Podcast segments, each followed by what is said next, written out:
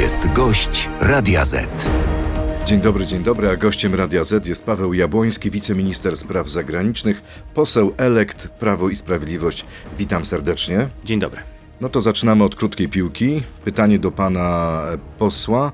Czy premier Morawiecki zdoła zbudować większość sejmową dla nowego rządu? Tak czy nie? Będziemy próbowali. Pewności nie ma, ale szansa istnieje. Nie jest duża, ale też nie jest zerowa. Czyli raczej tak. Będziemy próbowali.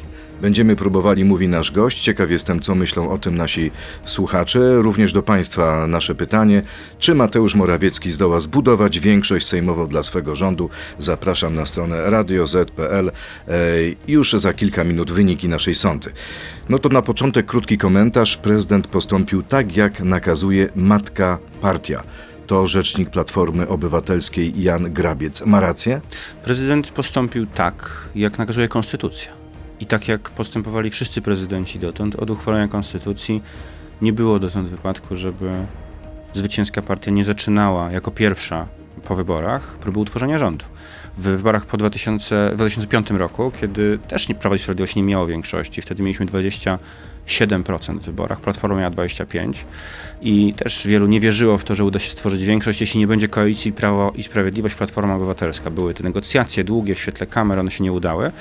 Udało się wtedy stworzyć rząd, Niektórzy mówili mniejszościowy, niektórzy mówili, że to koalicja z samoobroną, z Ligą Polskich Rodzin, to też było dla wielu zaskoczenie. Na tym e, ten nasz system polega, że zawsze trzeba spróbować i my taką próbę otrzymaliśmy, od, taką szansę na taką próbę otrzymaliśmy od prezydenta, skorzystamy z niej. Mamy dwa tygodnie od momentu, e, kiedy e, zostanie premier powołany. To jeszcze jeden ciekawy komentarz z matematyki Pała, a z odpowiedzialności to nawet zero z wykrzyknikiem. To słowa byłego premiera Marka Belki. I wróćmy właśnie do sprawy kluczowej. Czy prezydent zapomniał o żelaznych regułach arytmetyki? 248 głosów ma opozycja. Wy jako klub PiSu macie tylko 194. Ja mam wrażenie, że taka e, nerwowość, bardzo wysoki poziom emocji, jaki jest po stronie opozycji, najlepiej pokazuje, że prezydent ma w tej sprawie rację, bo liderzy opozycji mówią to, co mówią, natomiast e, mandat poselski jest mandatem wolnym i każdy poseł sam będzie decydował o tym, kogo chce poprzeć jako kandydata na premiera. Słyszał pan już wypowiedzi polityków Konfederacji. Przemysław Wipler nie ma mowy o sojuszu z PiSem. Słyszeliśmy wypowiedź prezesa Kosiniaka-Kamysza. Władze PSL podjęły decyzję o pójściu w koalicji z Platformą i Dokładnie, Lewicą. władze, Gdybym ja liderzy. był na miejscu premiera Morawieckiego, to chyba bym się załamał. władze, liderzy, którzy oczywiście w ich interesie, oni tak uznali, jest poparcie Tuska, jeśli chodzi o, o część liderów PSL-u, trzeciej drogi także, jak najbardziej tak.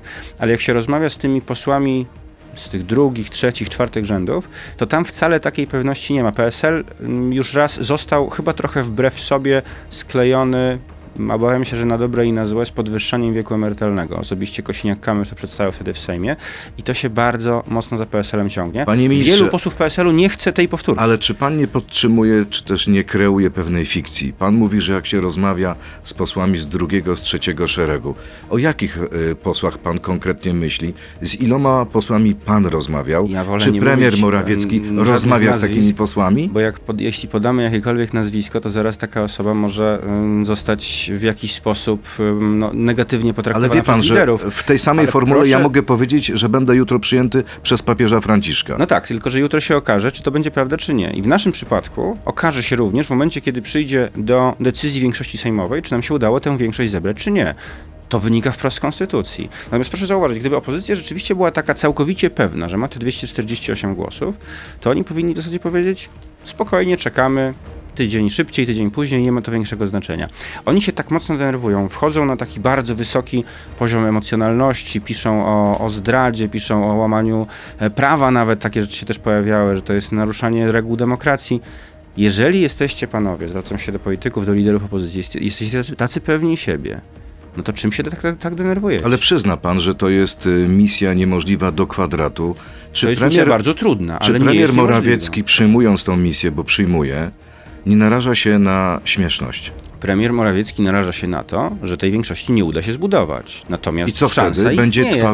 nie, nie, jeżeli kolejnej się nie porażki. Zbudować, jeżeli się nie Najpierw uda był twarzą porażki Prawa i Sprawiedliwości, teraz Panie będzie twarzą porażki misji tworzenia rządu. Jeżeli się nie uda zbudować większości, to w następnym kroku Sejm wybiera premiera. My godzimy się z regułami demokracji. Ja czytam nieprawdopodobne brednie w różnych mediach związanych z opozycją, na przykład jeśli chodzi o wybór marszałka seniora. Proszę zobaczyć.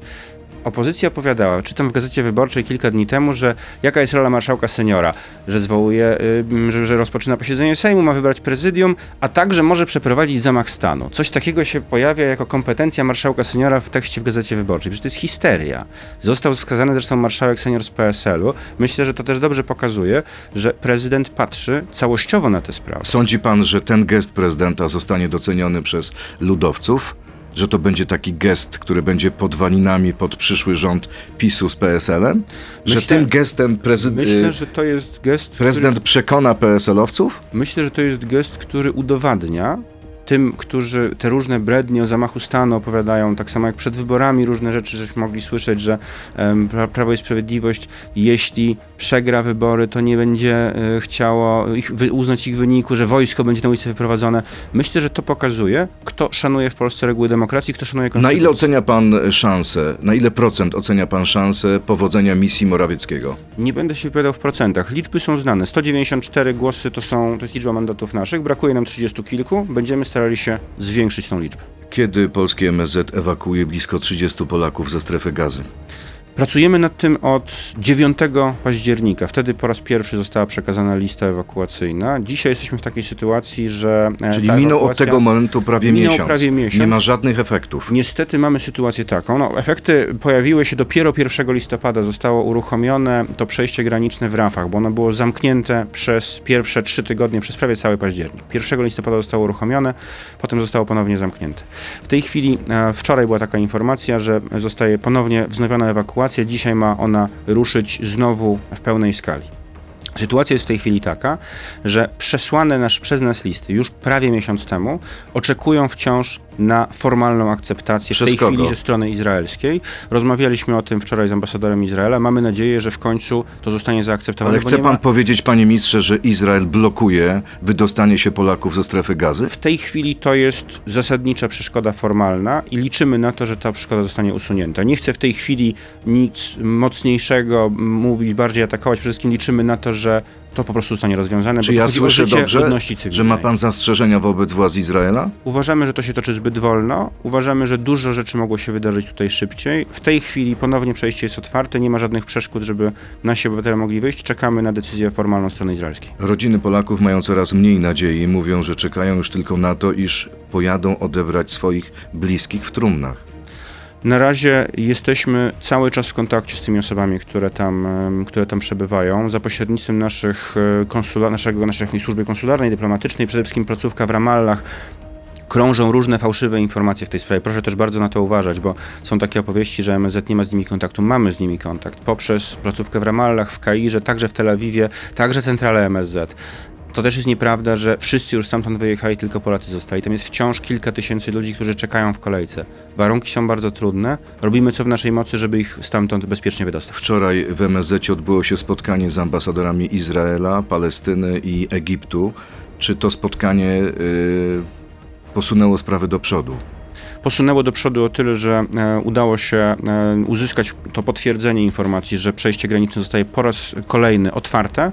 Dzisiaj ta ewakuacja ma ponownie ruszyć w takim tempie, mamy nadzieję, które umożliwi wydostanie się większych grup ludzi. Mam nadzieję, że jak najszybciej na tej liście będą również Polacy. Ta lista została przez nas już, już dawno przesłana. My w trakcie tych spotkań rozmawialiśmy z ambasadorem Izraela, Palestyny i Egiptu. Przekazywaliśmy nasze stanowisko w tych sprawach i ewakuacji, i również tych wydarzeń, które tam mają miejsce od A miesiąca. polskie władze mają kontakt z Hamasem? Mamy y, różne kanały kontaktu. Nie o wszystkim możemy mówić, dlatego że w pierwszym rzędzie ym, zawsze jest bezpieczeństwo naszych obywateli. Y, Nie wszystkie informacje mogą być ujawniane. Staramy się y, ym, wykorzystywać wszystkie możliwości, żeby pomóc naszym obywatelom. To teraz krótka piłka odsłona numer dwa. Poproszę o krótkie odpowiedzi tak albo nie. Przyszły rząd Tuska pogrąży Polskę na arenie międzynarodowej, tak czy nie? Obawiam się, że niestety tak. Mateusz Morawiecki to najlepszy następca prezesa Kaczyńskiego, tak czy nie? Myślę, że w tej chwili jeszcze nie czas na szukanie następców. Ukraina powinna zasiąść do rozmów pokojowych z Rosją, tak czy nie? Ukraina powinna um, obronić się przed Rosją i um, całe swoje terytorium powinna mieć pod swoją kontrolą. Pan przed momentem powiedział, że szanse na stworzenie rządu przez premiera Morawieckiego są, ale niewielkie. E, nasi słuchacze twierdzą, że są minimalne. 94% naszych słuchaczy twierdzi, że Morawiecki nie zdoła uzyskać większości sejmowej dla nowego rządu, tylko 6% uważa inaczej. Przechodzimy teraz do internetu na Radio Z.pl, Facebooka i YouTube'a. Tam mojego gościa Pawła Jabłońskiego zapytam m.in. o to, co dzieje się na granicy polsko-ukraińskiej. To jest gość Radia Z. Ale wróćmy jeszcze do tworzenia rządu, panie ministrze. Co teraz będzie robił premier Morawiecki? Czy on ma jakiś scenariusz tworzenia tej większości? No myślę, że będzie się przygotowywał do tego, żeby stworzyć e, skład rządu, ale przede wszystkim, żeby stworzyć e, większość sejmową. Rozmowy, które są prowadzone, one już mm, się toczą. No, nie ujawniamy ich przede wszystkim dlatego, Ale że... naprawdę one się toczą. Słyszymy wypowiedzi polityków PSL-u, którzy wprost mówią, nie będziemy odbierać telefonów od polityków PiSu. Li- znowu, liderzy PSL-u, część liderów PSL-u, nawet bo też nie wszyscy, uznali, że im się bardziej opłaca uzyskać dla siebie jakieś stanowiska, najwyraźniej, że to będzie ten cel, który chcą osiągnąć. Czy ludzie PSL-u, inni posłowie, ale także na przykład działacze PSL-u w terenie, czy się z tym zgadzają? To już zdecydowanie e, jest bardzo duża grupa, która ma co do tego poważne wątpliwości. Ale jaka bardzo duża Proszę grupa? spojrzeć. Ile to jest osób? Mamy dzisiaj... Procentowo albo Nie, liczbowo? Nie, procentowo, liczbowo to znowu są. Ja wiem, że to bardzo efektownie brzmi. Ale to może być political fiction, panie ministrze. To, może co się pan nie mówi. udać. To może się nie udać. Natomiast jaka jest sytuacja? Oni zapowiadają tworzenie jakichś rotacyjnych urzędów. Rotacyjny marszałek Sejmu, może rotacyjne również urzędy ministerialne. To ma być koalicja tak naprawdę spojona tylko i wyłącznie niechęcią do PiSu, a jednocześnie propozycje programowe, które oni chcą wprowadzać, są odrzucane przez większość naszego Ale oni społeczeństwa. mówią wszystko po kolei. Najpierw dogadamy się w sprawie rotacyjnego marszałka, dogadamy się w sprawie wicepremierów i premiera, a potem zajmiemy się programem. Tak, Wie pan, co dokładnie. mówił wczoraj Jeśli Donald Tusk? Donald Tusk mówi, w piątek będzie umowa koalicyjna, pokażemy ją opinii publicznej. Jeśli wszystko, jeśli wszystko jest takie pewne i dogadane, to z jakiegoś powodu cały czas nie możemy tej umowy koalicyjnej zobaczyć. Mamy dzisiaj w Rzeczpospolitej artykuł, który mówi, że będą likwidować 13 i 14 emeryturę. Czy PSL znowu chce się kojarzyć z odbieraniem emerytom pieniędzy? Myślę, że niektórzy może i mają to gdzieś, ale większość posłów PSL-u, większość działaczy PSL-u niespecjalnie chce się z tym Czyli kojarzyć. będziecie teraz prowokować, yy, podsycać Nie, napięcie? To nie jest prowokowanie, to jest Podsycać cytowanie, to jest cytowanie, koalicjantami? To jest, to jest wskazywanie na te elementy programu Platformy, bardzo liberalnego, bardzo antyspołecznego, antyrolniczego także, który dla elektoratu PSL-u jest po prostu niekorzystny. Jeśli politycy PSL-u chcą podpisywać się pod tym programem, no to może się to dla nich skończyć negatywnie. Premier Tusk powiedział wczoraj we Wrocławiu, was już nie ma. Tak czy siak my będziemy rządzić. E, No, e, myślę, że te słowa będą mu e, długo przypominane i to niekoniecznie w takim kontekście, w jakim e, by chciał. Ale dlaczego? O czym pan myśli? Bo skreślanie Prawa i Sprawiedliwości, zapowiadanie końca PiSu, to jest coś, z czym my się mierzyliśmy, pamiętam, po 2007 roku, po tych przegranych wyborach. Wielokrotnie różnego rodzaju publikacje się ukazywały. Michał Kamiński, on zresztą chyba dzisiaj jest w PSL-u formalnie, tak? Bo on był w Platformie kiedyś, potem w PSL-u. No, mamy yy, cały czas takie opowiedzi, koniec PiSu, już ta partia nigdy nie wróci do władzy. To było 2007, 2011, potem roku i tak dalej. Co się okazało? Nas nie jest tak łatwo się pozbyć. Na nas głosowało najwięcej ludzi w Polsce. Referendum, które nie miało pełnej frekwencji, ale referendum za em, polityką, którą my promowaliśmy, czyli przeciwko przymusowej migracji, przeciwko podwyższeniu wieku, wieku emerytalnego, prawie 12 To milionów ludzi. wszystko prawda. Panie ministrze, To to, wszystko koniec, to prawda. nas już nie ma? Ale arytmetyka jest y, y, nieubłagana. 248 posłów ma koalicja Nie, nie, nie. opozycyjna. Tak twierdzą. Czy pan, chwili, czy mają. pan, czy pan, panie ministrze, wejdzie do rządu tworzonego przez Oni w tej premiera chwili twierdzą, że mają. Ja w tej chwili nie, nie planuję na, na razie żadnych stanowisk rządowych. Zobaczymy, jakie A jak będą premier rozmowy. zadzwoni do pana i powie, albo y, spotka się z panem, e, Paweł, wchodź do mnie, zostań szefem MSZ-u. Ja w tej chwili jestem wiceszefem MSZ-u, zajmuję się tymi sprawami, przede wszystkim właśnie związanymi z ewakuacją naszych e, Okej, a to jak może wyglądać nowy rząd? Nie zajmuję się żadnymi będzie- stanowiskami w przyszłości. Jaki Co rząd będzie, to pojedzie będzie. do Pałacu Prezydenckiego, bo pan prezydent musi zaprzysiąc formalnie Myślę, nowy rząd. że pojedzie taki rząd, który będzie miał największą szansę uzyskania większości sejmowej. Czy ta większość będzie? Zobaczymy. Natomiast chce, musi chce pan powiedzieć, że sposób, może poje, pojechać rząd z udziałem polityków opozycji? Myślę, że pojedzie taki rząd, który w wyniku naszych rozmów uznamy, że ma największą szansę na to, żeby uzyskać większość. E, Był pan wczoraj na spotkaniu klubu PiSu na Nowogrodzkiej? Byliśmy, no jak nastroje? byliśmy. Bardzo fatalne? Mm, Całkiem pozytywne, dlatego że... Z czego się pan, cieszycie? Cieszymy się z tego, że uzyskaliśmy największy wynik w wyborach, najwyższe poparcie, wprawdzie nie dające nam samodzielnej większości, ale jednak jest to potwierdzenie, przyzna pan, że żadna partia do tej pory w Polsce nie miała takiej sytuacji, że po ośmiu latach rządów była w stanie po raz kolejny pokazać, że najwięcej ludzi ją popiera. Największa grupa. Nie bezwzględna większość, tego nie macie ale mimo wszystko największa grupa. Co się nie działo mamy większości samodzielnej, ale pracujemy nad tym, żeby zbudować większość koalicyjną. Co się działo na tym spotkaniu? Rozmawialiśmy o planach na najbliższy tydzień, także Święto Niepodległości, które będziemy obchodzili jako Prawo i Sprawiedliwość i będziemy uczestniczyli w obchodach, które będą planowane na, na końcu tego tygodnia. No i 10 oczywiście czy przygotowanie do 11 pierwszego Pójdzie pan Sejmu. Marszu I Niepodległości? 10 i 11 listopada. Co do szczegółów będziemy em, podawali dlaczego nie było prezesa Kaczyńskiego wczoraj? Z tego co wiem, to stan zdrowia o tym zdecydował. Był, był lekko przeziębiony. A czyli lekkie przeziębienie. Nic groźnego. N- Nic mi o tym nie wiadomo. Z tego co wiem, to raczej, raczej wraca do formy i za chwilę będzie e, już naszym liderem w Sejmie. Dobrze, panie ministrze, proszę powiedzieć, y, czy Polska, jeśli chodzi o konflikt palestyńsko-izraelski, jest po stronie Izraela jednoznacznie? Polska jest w tej sprawie po stronie zatrzymania przemocy i ataków na ludność cywilną. My zdecydowanie potępiamy ataki terrorystyczne, te zbrodnie Hamasu, nie tylko te z 7 października, chociaż to był oczywiście ten największy zbrodniczy atak. Absolutnie, zdecydowanie potępiamy, zdecydowanie potępiamy e, porwanie, porwania setek ludzi, domagamy się uwolnienia tych zakładników. Wczoraj o tym rozmawialiśmy z ambasadorami także, także z ambasadorem Palestyny. E, Natomiast y, opowiadamy się również przeciwko takim działaniom zbrojnym, które mają charakter odpowiedzialności zbiorowej, które są wymierzone e, także jako skutki nieplanowane. No, przeciwko ludności cywilnej. Jeśli Czyli pan cywilna uważa, że To jest działania, to niedopuszczalne, bo po prostu nie ma uzasadnienia dla tego. działania wojsk izraelskich są nieadekwatne do tego, co się sta- stało?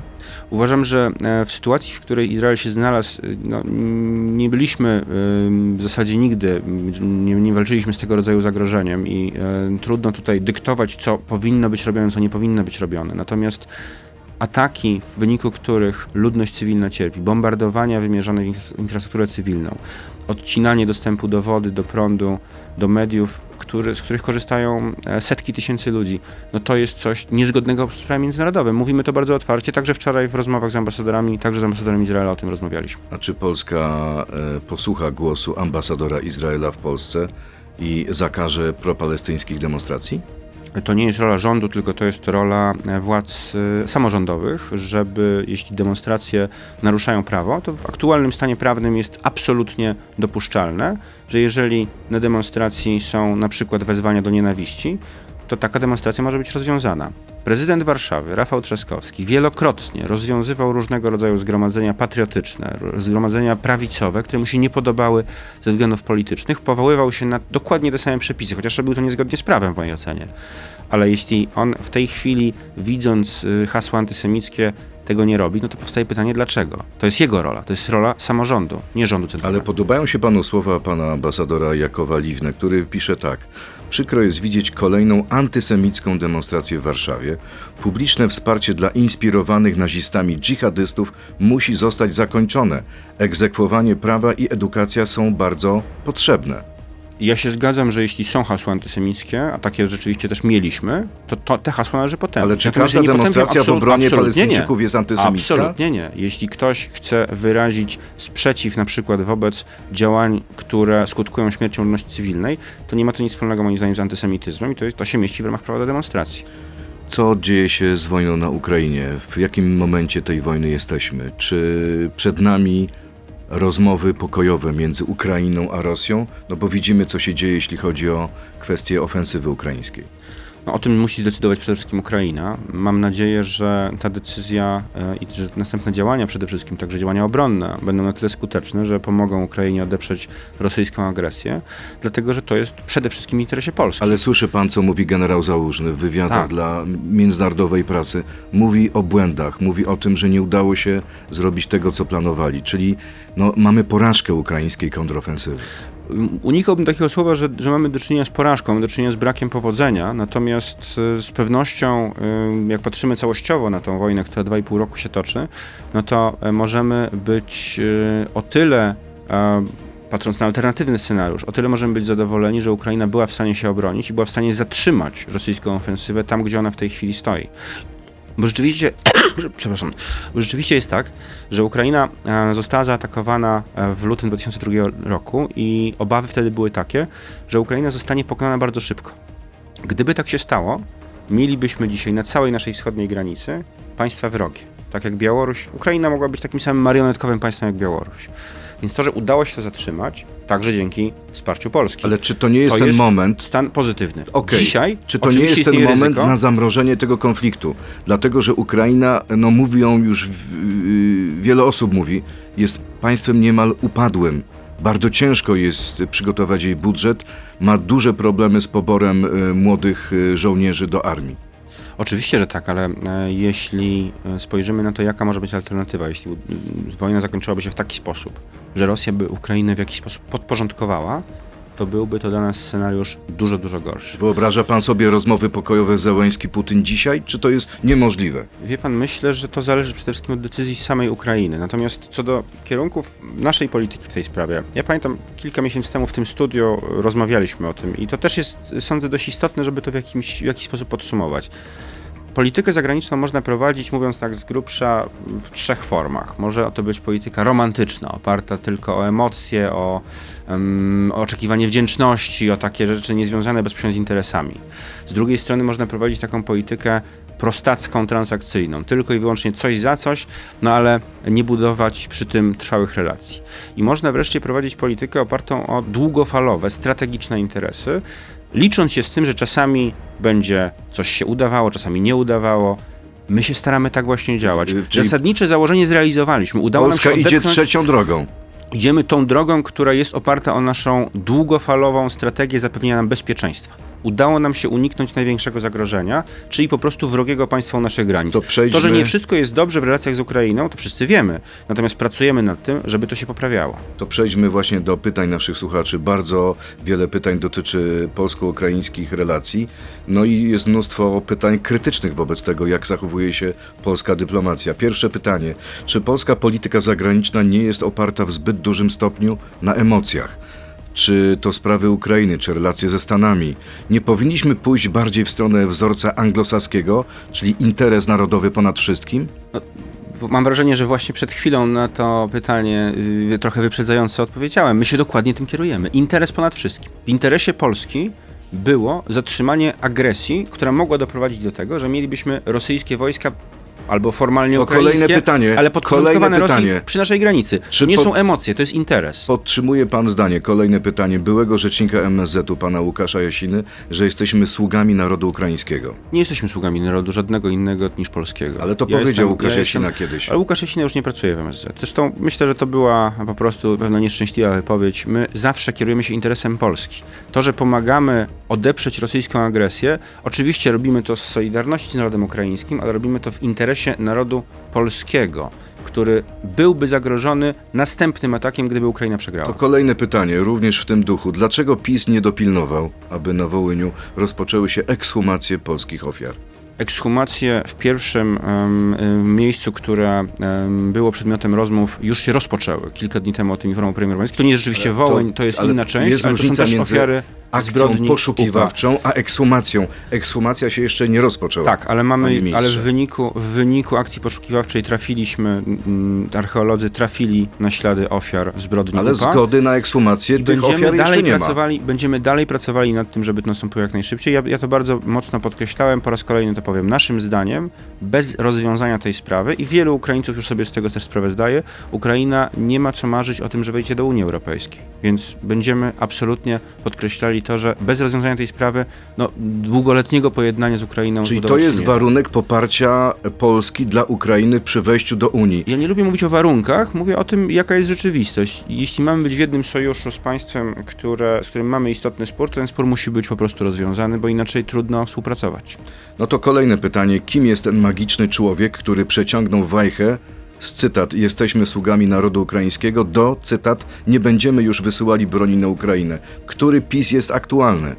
Który jest prawdziwy? Przepraszam bardzo, ale jeśli chodzi, tutaj nie ma żadnego przeciągania wajch. My jesteśmy państwem, które pomogło Ukrainie odeprzeć rosyjską agresję w największym możliwym stopniu, dlatego że to było w naszym interesie, po raz kolejny to podkreślam, i my mówiąc o wysyłaniu broni, zachęcamy przede wszystkim inne państwa do tego, żeby zrobiły tyle samo co Polska, bo Polska zrobiła dużo, dużo więcej niż państwa, które miały takie możliwości. Przypominam, co chciały robić Niemcy. 5 tysięcy hamów chcieli wysłać na początku, bo oni się trochę orientowali na to, co będzie, jak Rosja wygra, że trzeba znowu będzie wracać do sojuszu niemiecko-rosyjskiego. No to są zresztą No, kolejne ale polityki ekshumacje to nie jedyny problem między Polakami a Ukraińcami. Kolejny problem to są blokady na przejściach polsko-ukraińskich, przejść granicznych. Kierowcy nie zgadzają się na liberalizację przepisów dotyczących handlu z Unią i ambasador Ukrainy, pan Wasyl Zwarycz, zareagował w ten sposób. Zarzucił protestującym, że działają na korzyść rosyjskich terrorystów. Czy ambasador Ukrainy ma rację? Moim zdaniem nie ma w tej sprawie racji. Moim zdaniem y, aktywność niektórych y, także dyplomatów, ale i polityków ukraińskich jest przykładem właśnie tej źle rozumianej polityki, takiej trochę właśnie emocjonalnej, czasami emocjonalnej, a czasami transakcyjnej, natomiast niekoniecznie opartej o budowę y, zawsze tych długofalowych relacji, które powinny być jednak zawsze w centrum, zawsze priorytetem. Co polskie władze zrobią z tymi blokadami? Będziemy starali się rozwiązywać tak samo ten problem, jak i wszystkie inne w takim duchu, żeby to było właśnie w polskim interesie. W naszym interesie jest budowa długoletniej, stabilnej, dobrej współpracy z Ale tu Ukrainą. chodzi o także konkret, o zezwolenia dla przewoźników. Co z tymi sprawami? Będziemy kierować się przede wszystkim naszym interesem i co do szczegółów będziemy informowali tutaj Ministerstwo Infrastruktury. Ja myślę, że więcej szczegółów poda. Wczoraj kolejne pytanie naszego słuchacza. Wczoraj Jacek Czaputowicz w Radiu Z u Beaty Lubeckiej powiedział, że Andrzej Duda przyczynił się do porażki PiSu w wyborach. Czy pan się zgadza z takim stwierdzeniem? A w jaki sposób W taki sposób, że wysłał skargę do Trybunału Konstytucyjnego w sprawie ustawy, która otworzyłaby nas na pieniądze z, na, y, z KPO. Znaczy, co do tej skargi, ja uważam, że ona y, z prawnego punktu widzenia nie jest uzasadniona. Ja czytałem tą skargę, mam swoją opinię, jako też prawnik na jej temat uważam, Czyli że tutaj... uważa pan tak jak Jacek Czaputowicz? Nie, nie, mówię, że prezydent mówię z prawnego punktu do widzenia. porażki? Mówię z prawnego punktu widzenia, natomiast co do, co do przyczyn tego, że wynik nasz, który wciąż był najlepszym wynikiem, ale jednak nie takim, który daje nam samodzielną większość, to e, znowu takie prostackie dopatrywanie się, że tylko jedna przyczyna o tym zadecydowała, e, no nie jest właściwe, bo tych przyczyn było dużo więcej. Pewne zmiany społeczne, pewne e, też działania medialne naszych przeciwników. No, mieliśmy do czynienia z bardzo ostrym atakiem na nas. A pana No, zdaniem, a pana myślę, zdaniem, co, był, co było największym błędem kampanii Prawa i Sprawiedliwości? Myślę, że y, znów y, wskazywanie jednej przyczyny jako takiej, która była Ale co decydująca, przychodzi panu na myśl w tym ja momencie? sądzę, że przede wszystkim popełniliśmy pewne błędy w komunikacji ze społeczeństwem, nawet nie tyle w trakcie kampanii, ale przed nią. Myślę, że pewne działania mogły być lepiej komunikowane, lepiej przykład? e, przedstawiane. Na przykład. Czy to w kwestiach związanych z reformą wymiaru sprawiedliwości, czy to w kwestiach, jak choćby mamy e, dyskusję na temat wniosku do Trybunału e, Konstytucyjnego w sprawie aborcji.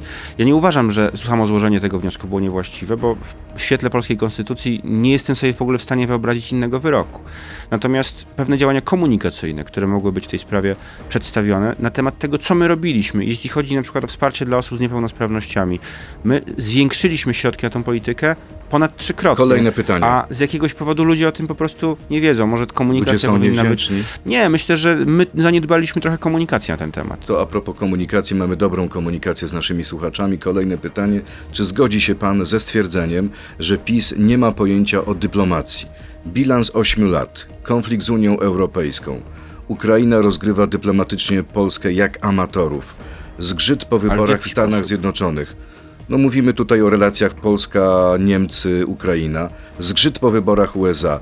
Miliardowe kary y, z Unii Europejskiej i konflikt z Izraelem, bo do dzisiaj nie mamy tam ambasadora. No, Krótki komentarz do To tego. już y, nie wiem, czy to jest komentarz, natomiast y, myślę, że to jest przejaw y, takiego rozumienia polityki, że jej celem jest to, żeby było miło i żeby z każdym były dobre relacje dla samych relacji. Jeżeli z kimś mamy spór, jeżeli mamy rozbieżne cele w polityce zagranicznej, na przykład z Niemcami mamy rozbieżne cele, bo Niemcy chcą doprowadzić do centralizacji Unii Europejskiej, a my tego nie chcemy. No to trudno, żebyśmy nie mieli tutaj sporu. Niektórzy mówią, że to jest konflikt, że to jest szczucie na Niemcy. To nie jest żadne szczucie, tylko to jest opisywanie rzeczywistości, mówienie, jaki jest nasz interes, a co jest dla interesu zagrożeniem. Jak słyszę, że ktoś nas rozgrywa dyplomatycznie, z całym y, dużym szacunkiem dla naszych partnerów ukraińskich, nie mam wrażenia, żeby ich aktywność dyplomatyczna była w ostatnich miesiącach szczególnie skuteczna. My robimy to, co jest w naszym interesie, staramy się im pomagać o tyle, o ile to jest w naszym interesie, ale nikt tutaj nikogo nie rozgrywa. No, oby Ukraina była w stanie bronić się przed Rosją, będziemy starali się Rosję Ostatnie razem pytanie naszego słuchacza. Czy spakował już pan mandżur? Czy może Mandżur? liczy... Mandżur, mandżur. Słuchacz chyba ma przeszłość w różnych Czy miejscach może odosobnienia. Nie, no, czy może liczy pan naiwnie na to, że panu się upiecze za ustawkę na Giertycha? Na, za ustawkę na Giertycha. To jest bardzo ciekawe, bo ja w tej sprawie y, wytoczyłem Romanowi Giertychowi sprawę karną, na którą on się nie stawia do sądu. Mam nadzieję, że na kolejny termin będzie już miał odwagę się stawić, bo z tego co wiem, y, zamierza, przynajmniej tak mówi, wrócić do Polski. No tak jak pan On- został posłem. On y, dopuścił się wobec mnie pomówienia i mam nadzieję, że za to przed sądem odpowie. To jeszcze informacja przekazana przez sędziego Włodzimierza Wróbla. Prezydent Andrzej Duda chce zmienić regulamin Sądu Najwyższego. Jak pisze sędzia, zmiana oznaczałaby, że, cytat, sami wadliwie powołani sędziowie mogliby wydać we własnej sprawie orzeczenie, które miałoby potwierdzić, że są sędziami Sądu Najwyższego. Y, Tę informację Tak pan pisze sędzia Wróbel, tak, że sędziowie- opublikował w mediach społecznościowych. No to, to trochę jest zabawne, że sędzia Wróbel y, pisze, że coś sędziowie robiliby we własnej sprawie, bo ja mam Ale wrażenie, powołuje że... się tutaj na pismo szefowej kancelarii prezydenta pani Małgorzaty Paprockiej. Rozumiem, że się powołuje na, na, różne, na różne pisma, natomiast jest to trochę zabawne, że sędziowie tacy jak sędzia Wróbel, którzy od mm, no, 8 lat, mam wrażenie, zajmują się tylko i wyłącznie własnymi sprawami i, i cały czas we własnej sprawie się wypowiadają, też e, często wchodzą w politykę, czego robić nie powinni, że tutaj wytykają coś sędziom powołanym prawidłowo, zgodnie z konstytucją przez prezydenta. No nie jest to właściwe. Myślę, że sędziowie powinni się zająć wymiarem sprawiedliwości, a nie polityką. Zaczęliśmy od y, misji niemożliwej, pan twierdzi, że trochę jednak możliwej, e, tworzenia rządu przez premiera Morawieckiego. Na tym zakończmy. Myśli pan, że e, przy tej misji problemem dla premiera Morawieckiego będzie to doniesienie Najwyższej Izby Kontroli do prokuratury w sprawie budowy szpitala tymczasowego na Stadionie Narodowym? Aktywność Najwyższej Izby Kontroli w ostatnich latach myślę, że została w dużym stopniu um, zdyskredytowana przez samą Najwyższą Izbę Kontroli. To, co usłyszeliśmy na nagraniach, na których prezes NIK-u mówi, że on w zasadzie przyznaje wprost, że będzie działał w intencjach politycznych, dobrze pokazuje, że on te instytucje niestety całkowicie, całkowicie podporządkował Ale ale jak partyjnemu. Pan mówi o Niku, ale jak dowiedział się, jak dowiedział się reporter. Radia Z Mariusz Gierszewski, podejmując decyzję o stworzeniu tego szpitala na Narodowym, premier nie dokonał poważnej analizy, czy i ile rzeczywiście faktycznie łóżek jest potrzebnych. No, jestem w stanie sobie wyobrazić, że prezes NIK-u będzie najróżniejsze powody w tej chwili wskazywał, jeśli tylko uzna, że to zaszkodzi Prawo i Sprawiedliwości. Jest na nas e, trochę wciąż obrażony, bo uważa, że powinniśmy byli bronić go za te różne jego historie z przeszłości. My nie broniliśmy go, bo uważamy, że jeśli ktoś ma na swoim koncie różne grzeszki, to powinien za nie czasami jednak odpowiedzieć. On nie chciał tego robić A i może- może... próbuje odgrywać. A że może publikacja w, w ostatnim dniu kampanii tych taśm Banasia e, zaszkodziła Prawu i Sprawiedliwości w tym sensie, że być może Konfederacja, gdyby nie te taśmy, miałaby więcej posłów i wtedy moglibyście stworzyć z nimi rząd. Wie A tak co? to strzeliliście sobie w stopę. Jest masa różnych przyczyn. Myślę, że to rzeczywiście miało wpływ na wynik Konfederacji, bo ludzie usłyszeli, że e, ta, ta aktywność polityczna NIK-u jest bardzo mocno z Konfederacją powiązana, zwłaszcza z synem e, pana, pana prezesa Banasia, który chyba nie uzyskał ostatecznie mandatu. No, e, nie wiemy, co by było. Myślę, że to miało wpływ. Jaki byłby wynik, trudno dzisiaj wyrokować. Natomiast generalnie myślę, że dobrze, że Polacy wiedzą, jaka jest może- rzeczywista motywacja prezesa NIK-u. A może to jest tak po prostu, że dopiero o mm, zdolności koalicyjnej przypomnieliście sobie po wyborach? A do tego momentu tak naprawdę sekowaliście i PSL, i Konfederację. Jak ja słyszę takie zarzuty, że my kogoś sekowaliśmy w sytuacji, kiedy od 8 lat, a nawet wcześniej, bo zarządów Platformy też, byliśmy dzień w dzień atakowani, oskarżani o najgorsze zbrodnie, o to, że jesteśmy tacy jak Hitler, jak Stalin, jak PZPR, Bierut, Gomułka, no byliśmy wyzywani od najgorszych dzień w dzień. To jak ktoś dzisiaj się obraża o to, że przypominaliśmy fakty na temat y, rządów PO-PSL czy innych naszych poprzedników, to mam wrażenie, że to jest lekkie zaburzenie To ja na koniec delikatnie zapytam, mówiąc. kto ma rację? Prezes Kaczyński, który na tydzień przed wyborami mówił o PSL-u jako najbardziej antyklerykalnej partii w Polsce, czy premier Morawiecki mówiący ostatnio w Interi, że chciałby być ministrem w rządzie Władysława Kośniaka-Kamysza? Mm, Ja myślę, że mm, jeśli chodzi o nasze relacje z PSL-em, PSL to jest w ogóle partia, która mm, Bo wielokrotnie tych wchodziła do wypowiedzi różnych nie da się rządów. w nijak połączyć ze sobą. Tylko, że jeśli One byśmy są cytowali, sprzeczne. jeśli byśmy cytowali różne wypowiedzi polityków PSL-u na nasz temat, to też moglibyśmy powiedzieć, że my mamy prawo się obrazić, bo ktoś kiedyś o nas coś złego powiedział. Polityka to jest jednak sztuka negocjacji i także posiadania, e, umiejętność posiadania e, pewnego dystansu i do samego siebie, pewnej grubej skóry. No, na tym to polega, że czasami różni politycy mówią różne rzeczy. Ja się starałem nigdy nikogo nie obrażać, mówić raczej o faktach. Polityka, powiedział kierujemy. pan y, słusznie, to sztuka negocjacji. Co się stanie, kiedy premier Morawiecki jednak nie uzbiera tych 231 posłów? Będzie podwójnym przegranym, bo był twarzą porażki Prawa i Sprawiedliwości w kampanii, a teraz jeszcze jedna misja przegrana? Jeżeli tej większości nie uda stworzyć, Sejm będzie wskazywał następnego premiera. Zobaczymy, jak to będzie wyglądało. Jak patrzę na razie na to, jak ta koalicja się tworzy, tych rzekomo 248 posłów, opowieści o tym, że będą różne rotacyjne stanowiska. Jeśli nawet im się ten rząd uda stworzyć, to może być bardzo niestabilny rząd. Y, Wróćmy trochę do Bliskiego Wschodu. Izrael tutaj jest dość dobrym przypadkiem y, takiej no, politycznej niestabilności, bez absolutnie jakiejkolwiek krytyki, bo to jest decyzja też y, państwa Izrael i i mieszkańców i obywateli Izraela. Tam też były różne rotacyjne rządy, co chwilę nowe wybory. Obyśmy w taką sytuację nie wpadli, bo to po prostu patrząc obiektywnie nie jest właściwe. Rotacyjność, zmiana, niestabilność to nie jest coś, czego ludzie chcą. Raczej trzeba się skupiać na programach, na tym, co łączy, a nie tylko na szukaniu odwetu za jakieś wyimaginowane krzywdy. Paweł Jabłoński, wiceminister spraw zagranicznych, poseł elekt Prawo i Sprawiedliwość, był gościem Radia Z. Bardzo panu dziękuję i miłego dnia. Dziękuję bardzo. Dziękuję. Wszystkiego dobrego. To był gość Radia Z. Słuchaj nas w Radio Z i na player radioz.pl.